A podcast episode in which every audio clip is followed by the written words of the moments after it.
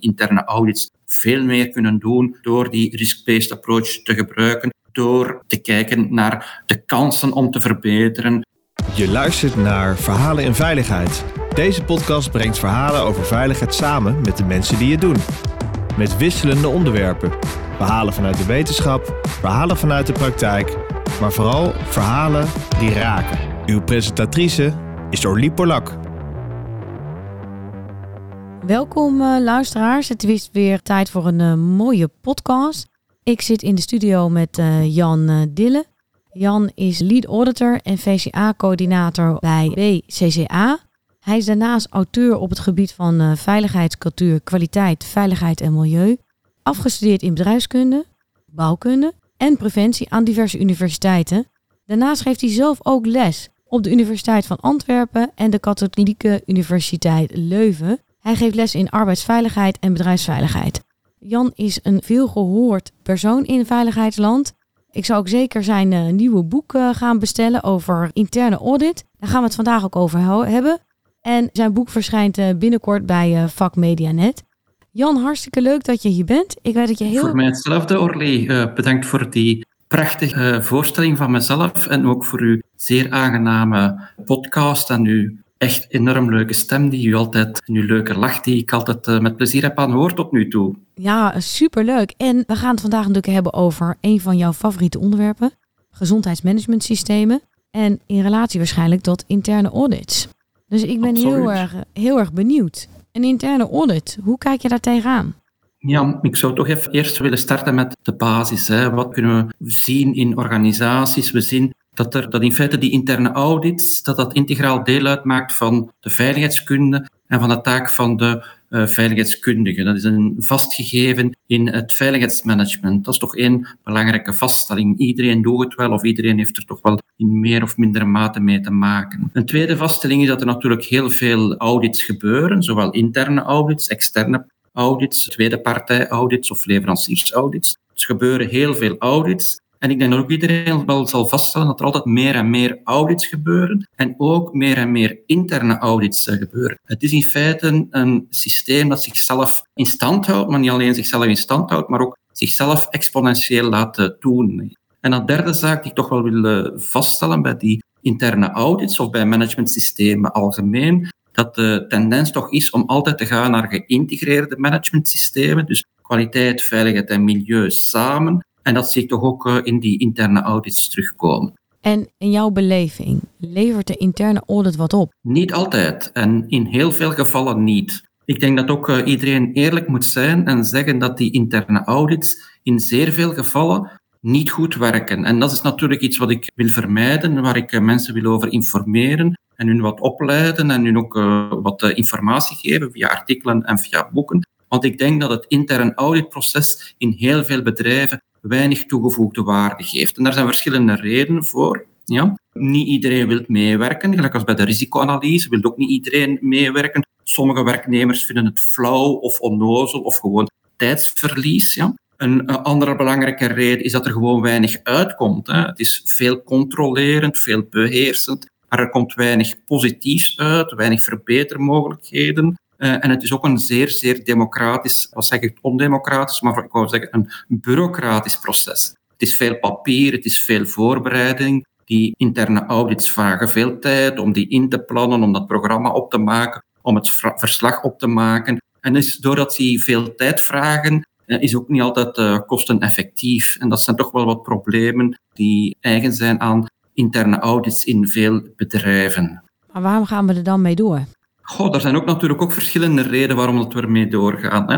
Uh, er is natuurlijk een reden dat veel bedrijven dat doen omdat het moet. Bijvoorbeeld ISO 9001 of VCA of ISO 45001 vragen interne audits. Dus ze doen dan een interne audit omdat het moet. Op zich is dat natuurlijk een slechte reden, denk ik. Hè. Maar de, het achterliggende idee is toch dat we die interne audits moeten gebruiken om te verbeteren. Ja. En verbeteren, dat kan natuurlijk voor een management van belang zijn, voor de directie, dat die informatie krijgen hoe dat het zit op gebied van kwaliteit of op gebied van gezond en veilig werken in de organisatie waar zij verantwoordelijk voor zijn. Dus je hebt een afdeling A, je hebt een afdeling B, je hebt een afdeling C, je hebt eventueel een nevenvestiging. En ik denk dat ik als directielid of als manager toch wel zou willen weten. Hè, hoe ziet dat op gebied van gezond en veilig werken in die verschillende afdelingen? Gaan die elke ongeval aangeven? Gaan die op min of meer dezelfde manier die arbeidsongevallen uh, onderzoeken? Zijn die allemaal compliant met de wetgeving, met de ARBO-wetgeving?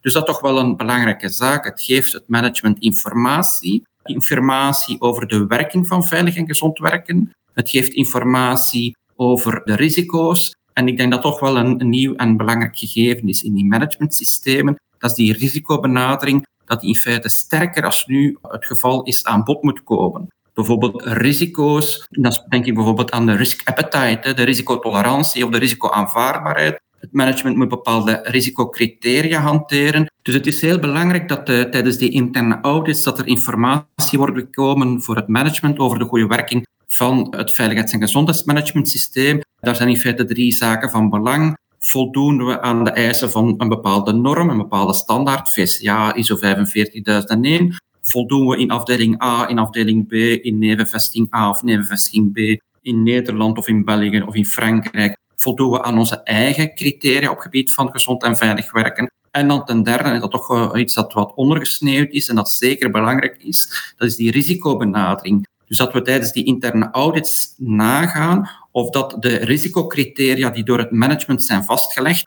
dat men zich daaraan houdt, dat men niet meer risico neemt dan voorzien uh, en dat men dus binnen die risicotolerantie, tussen die risicoappetite, dat men dat uh, in feite wat uh, kent en ook toepast in de verschillende afdelingen en vestigingen. Dat lijkt me heel erg lastig. Want je, want je zegt nu risk appetite, maar dat vinden heel veel mensen heel erg moeilijk. In welke mate is de interne auditor in staat om die situatie die hij observeert te matchen of te mappen zelfs met die risk appetite? Orly, ik ben het eh, met u natuurlijk eh, helemaal eens. Makkelijk is het niet. Hè? Moest het makkelijk zijn, dan uh, waren wij hier niet. Dan was u hier niet en dan was ik het natuurlijk ook niet aan het uitleggen. Wat is met dat risico-gebaseerde ehm, aanpak bij interne audits? Dat is natuurlijk de vraag, wat willen we bekomen? Want er zijn verschillende insteken mogelijk. Bijvoorbeeld veel bedrijven, denk aan de NUS-bedrijven, die hebben een aparte afdeling riskmanagement. We zouden kunnen zeggen, risicogebaseerde interne audits wil zeggen, we gaan een interne audit doen bij die afdeling riskmanagement. Ik denk dat dat fout is. Ik denk dat dat niet de bedoeling is van de nieuwe normen, hè, ISO 45001, ISO 19011 voor interne audits, waar dus die risk-based approach natuurlijk centraal staat. Wat is natuurlijk wel? Dat is dat we een intern auditprogramma gaan opmaken. De, de meeste mensen die natuurlijk iets van intern auditeren uh, kennen, die weten dat dat intern auditprogramma over een periode van drie jaar moet lopen.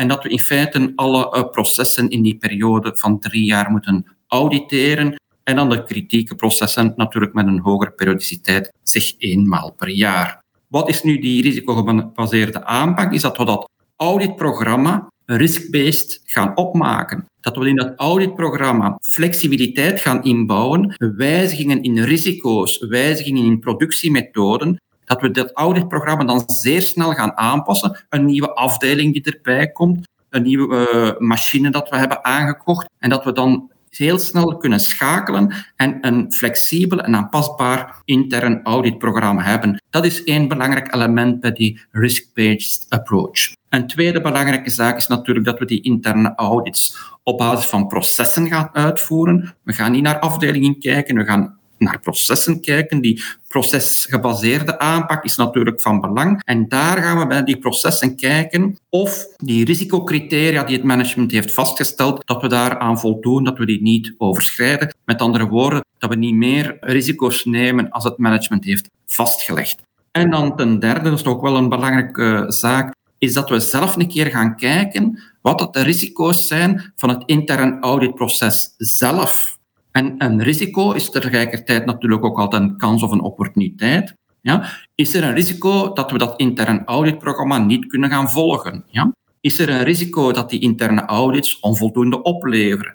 Is er, is er een risico dat we niet voldoende interne auditoren hebben of dat die niet voldoende competentie beschikken, bijvoorbeeld om een geïntegreerde audit uit te voeren. Die geïntegreerde audit vraagt natuurlijk bijkomende competenties op gebied van quality, op gebied van environment, op gebied van safety. Beschikken die interne auditoren daarover? Zo niet, is er natuurlijk een risico dat de kwaliteit van dat interne auditproces niet is wat we ervan kunnen verwachten. Dus die risicogebaseerde aanpak, ik heb er natuurlijk wel wat over nagedacht. Maar dat komt ook, denk ik, veel te weinig aan bod uh, in, die, in de literatuur, maar ook in opleidingen. Interne audits, er worden heel veel opleidingen interne audits gegeven. En ik denk dat die nog worden gegeven volgens de oude normen, waar dus met andere woorden die risk-based approach niet of uh, onvoldoende aanwezig is. Ik denk dat de interne audits zoals ik hem ken, ik ken dan alleen de gedragsaudits, vooral een, um, een kwaliteitstoets zijn. Dus bijvoorbeeld, je noemde net VCA en je noemde de veiligheidsladder.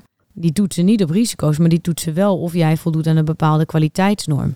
Goh, wat is er natuurlijk wel zo, dat die interne auditoren dikwijls vragen tijdens hun audit, mag ik de procedure of de gedocumenteerde eh, documentatie een keer nakijken? En dat ze dat dan met de geauditeerden een keer overlopen en in feite de conformiteit nagaan van de bestaande processen. Persoonlijk, ik vind dat nogal een zwakke interne audit. Ik denk dat het toch iets meer moet zijn. Hè. We hebben het gehad over uh, compliancy, we hebben het gehad over risicoanalyse, we hebben het over veiligheids- en gezondheidsdoelstellingen. Dat moet toch bekeken worden of dat, dat leeft en doorleefd wordt. Het gedrag natuurlijk uh, in die afdeling, dat moet geauditeerd worden en niet, en dat is jammer genoeg een vaststelling die ik te veel maak. Ze pakken een procedure of ze pakken een aankoop van een machine en ze overlopen die procedure een keer en ze kijken of dat de, de bestaande manier van werken overeenkomt. In zeer veel gevallen is dat natuurlijk niet het geval, maar dat is in feite het interne auditproces zoals dat nu verloopt. En ik vind het op zich op dit moment een jammere zaak. Ik denk dat we met die interne audits veel meer kunnen doen door die risk-based approach te gebruiken door te kijken naar de kansen om te verbeteren, door als interne auditor ook te kijken naar de, de positieve dingen, niet alleen te kijken naar wat uh, slecht is of minder goed is, maar ook de opportuniteiten, de kansen. En in feite, een interne auditor die mag voor mij meer een consultant worden. Hij moet niet alleen vaststellingen doen van veiligheids- en gezondheidsproblemen, maar als hij een hoge competentie beschikt, kan hij al voorstellen doen. Hij gaat ze zelf niet uitvoeren, hij gaat zelf niet beslissen. Maar hij kan wel zijn meerwaarde aantonen door zelf voorstellen voor bepaalde problemen aan te kaarten aan bijvoorbeeld de verantwoordelijke proceseigenaar of de verantwoordelijke van de afdeling. Maar is het gebrek aan het ideaalmodel niet gewoon het probleem? Ik denk uh, dat we net moeten streven naar het ideaal uh, model bij Orly. Uh, dus is niet omdat het moeilijk is dat we niet moeten proberen naar het ideale model te gaan. Maar ik denk alleen dat het ideale model op dit mo moment misschien niet juist is. Dus hetgeen wat die interne auditoren willen doen, ze hebben een auditprogramma, ze willen de auditprogramma aframmelen, ze willen een verslag maken en daar moet dan nog eens veel in staan. Het is veel veiligheidsbureaucratie, het is veel papierwerk, die audits moeten voorbereid worden. Ze moeten eh, de opmerkingen van de vorige interne audit bekijken. En dat maakt het altijd zwaar. En ik ben eerder een voorstander van een licht, een zeer licht intern auditproces noem het wat mij betreft. Lean auditeren, waarbij uh, gewoon telefoneert naar die afdeling, zegt ik moet die interne audit komen doen, hè, ik wil die en die, ik wil bijvoorbeeld de aankoop spreken, ik wil de HGC Q-verantwoordelijke spreken en ik wil iemand van de productie spreken en ik wil een rondgang doen. Pof, die telefoon is voor mij voldoende. Moet je daarvoor een intern auditplan opmaken? Wat mij betreft niet. Dat is bureaucratie, ik noem dat ook veiligheidsbureaucratie, die uiteindelijk weinig eh, toegevoegde waarde geeft aan de kwaliteit van het intern auditproces. Nou, wat ik eigenlijk bedoel is, uh, hoe ik naar audits kijk, is dat je gaat iets auditeren. Dus iets toetsen. Ik noem dat even, ik heb een schabloon, een ideaalmodel. En dan ga ik observeren in de werkelijkheid. Of dat doe ik met mijn ogen of ik doe dat met mijn oren. Om te kijken in welke mate voldoe ik nou aan mijn ideaalmodel. Daar komen verbeterpunten uit. Daar komen punten uit die je heel erg goed doet. En wat ik bedoelde met het ontbreekt aan ideaalmodel, is we pakken gewoon een ideaalmodel van een ander. Dus een ISO 9001 of een veiligheidsladder is een model van een ander. Het zegt helemaal niet hoe jij wil zijn. Als jij jezelf zou willen auditeren, zou je dan niet naartoe willen dat een bedrijf eerst eens nadenkt. Wat je net zei over risk appetite. Dat op papier zet. Wie willen we nou zijn? Wat wil ik nou beheerst zien als jij naar buiten loopt? Wat is nou mijn model? Wat is nou mijn invulling voor kwaliteit, voor risicobeheersing, voor uh, veiligheidscultuur, waar je ook verstand van hebt. En dat je dan zegt, dat ga ik auditeren. Dan ga je zeggen, wat moet het dan zijn? En nu pakken we eigenlijk altijd wat van een ander is. Is dat niet Ja, maar ik zou, ik zou daar toch twee dingen over zeggen. Die vragen die u stelt, kun je natuurlijk ook een keer stellen voor uh, waarom gaan we intern auditeren? Wie willen we daarvoor aanstellen? Wat willen we bereiken? Wat zijn die doelstellingen van die uh, interne audits? Dus de vragen die u stelt, die, die zijn natuurlijk ook toepasbaar op uh, het interne auditproces zelf. Hè? Dat ten eerste. En ten tweede, ik denk wat u zegt is natuurlijk waar en ook niet waar. Hè. Als we dan spreken met de ISO-management systeemnormen, die geven een zeer, zeer grote vrijheid. In de organisatiekunde noemen we dat de contingentiebenadering. Dus jij past je managementsysteem gezond en veilig werken aan, aan de risico's, aan de organisatie. Een zeer grote, zeer complexe organisatie zal een zeer uitgebreid en complex uh, veiligheids- en gezondheidsmanagementsysteem hebben. Als je daarentegen met een klein bedrijf, een zeer eenvoudig bedrijf, dat gaat natuurlijk ook een zeer eenvoudig managementsysteem, gezond en veilig werken hebben. Dus wat u zegt, een standaard aanpak, daar ben ik natuurlijk radicaal tegen. Ja? En ISO laat de mogelijkheid om uw gezondheidsmanagementsysteem aan te passen aan de organisatie. Alleen zijn er natuurlijk veel bedrijven die dat niet of onvoldoende doen. Er zijn natuurlijk veel consultants die komen met een standaard aanpak aan. En bijvoorbeeld als we dan spreken over veiligheidschecklist aannemers, die laten al geen standaard aanpak toe. Denk aan uw maandelijkse toolbox meetings, denk aan uw maandelijkse werkplekinspecties, denk aan een uh, VCA-audit met vier of vijf mensen. Allee, laat ons nu een keer serieus zijn. Een interne audit die gevraagd is door VCA voor een bedrijf van vijf mensen, de bedrijfsleider en vier arbeiders, dat is toch echt hilarisch. Hè? Want dan is die bedrijfsleider zichzelf aan het intern auditeren. Dat is natuurlijk ja, uh, niet contingent. Dat is niet de interne audit aanpassen aan de grootte van het bedrijf, een directiebeoordeling, waarbij dus de directie, de voltallige directie, nagaat of het veiligheids- en gezondheidsmanagement voldoet en wat de mogelijkheden zijn om te verbeteren. En ook nagaat of dat intern auditproces werkt zoals zij het willen. Ja, laat ons serieus zijn. Voor een uh, KMO van vijf mensen, dan gaat de directie, de directie is dus de bedrijfsleider, een directiebeoordeling doen met zichzelf. Dat is hetgeen, denk ik, wat u bedoelt. Daar hebben we geen enkele mogelijkheid om te schakelen. Daar hebben we geen enkele mogelijkheid om het veiligheids- en gezondheidsmanagementsysteem aan te passen aan hier bijvoorbeeld de grootte van de organisatie. En daar heb ik toch nog een vraag over dat uh, die uh, riskbenadering en die risk appetite. Is dat ja. ook iets wat u mist in de normstelsels? Nee, want het is een belangrijk kwaliteitsmanagementprincipe. In ISO 9001 is dat echt een fundamenteel gegeven. Dat is een belangrijke wijziging in 2015. Ook uh, bij ISO 45001 in 2018 is die risk-based approach fundamenteel. Dus dat is dus niet uh, zomaar even iets wat we kunnen kiezen. Nee, men moet die uh, risicobenadering hanteren. Het is een belangrijk kwaliteitsmanagementprincipe. Het staat in ISO 9000, hè, de terminologie over kwaliteitsmanagement. Wat dat natuurlijk wel zo is, ja, dat is dat de benadering van ISO 9000 dat die in feite een veel modernere benadering is dan de HVK'ers of de milieudeskundigen. Want wat hebben de HVK'ers in feite aangeleerd? Die gaan uit van een zuiver risico. En een zuiver risico is een risico dat enkel negatieve consequenties kan hebben. Bijvoorbeeld een arbeidsongeval, bijvoorbeeld een brand of bijvoorbeeld een milieuincident. En wat zien we in die managementsysteemnormen? En dat is nog niet of onvoldoende doorgedrongen bij die HVK'ers of die MVK'ers of bij de arbodeskundigen. Dat is dat die nieuwe uh, benadering van risico,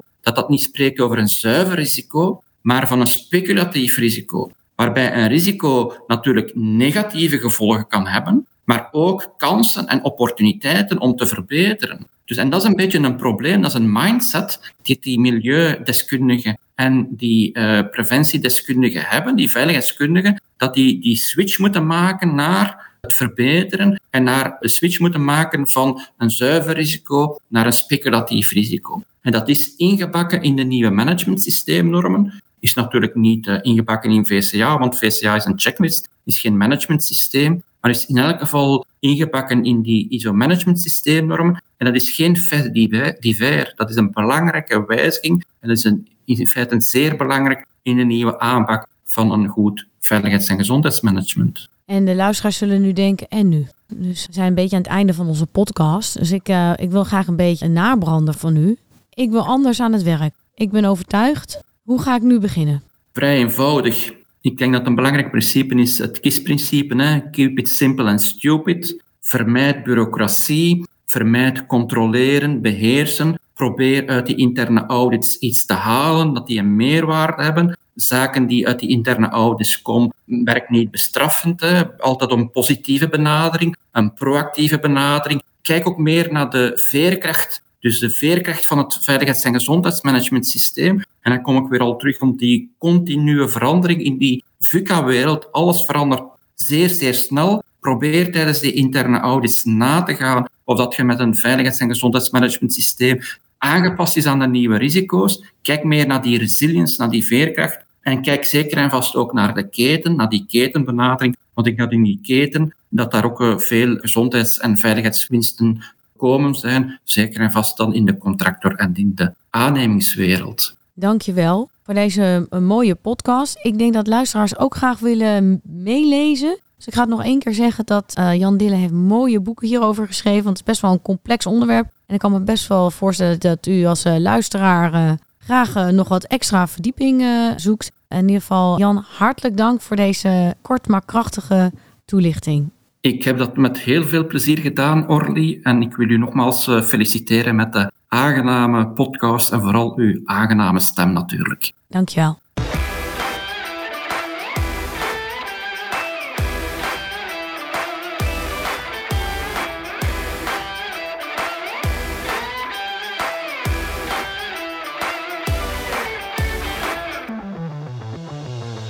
Je luisterde naar Verhalen in Veiligheid. Wil je niks missen van deze podcast? Abonneer je dan op deze podcast in je favoriete podcastplatform. En laat een review achter in Apple Podcast.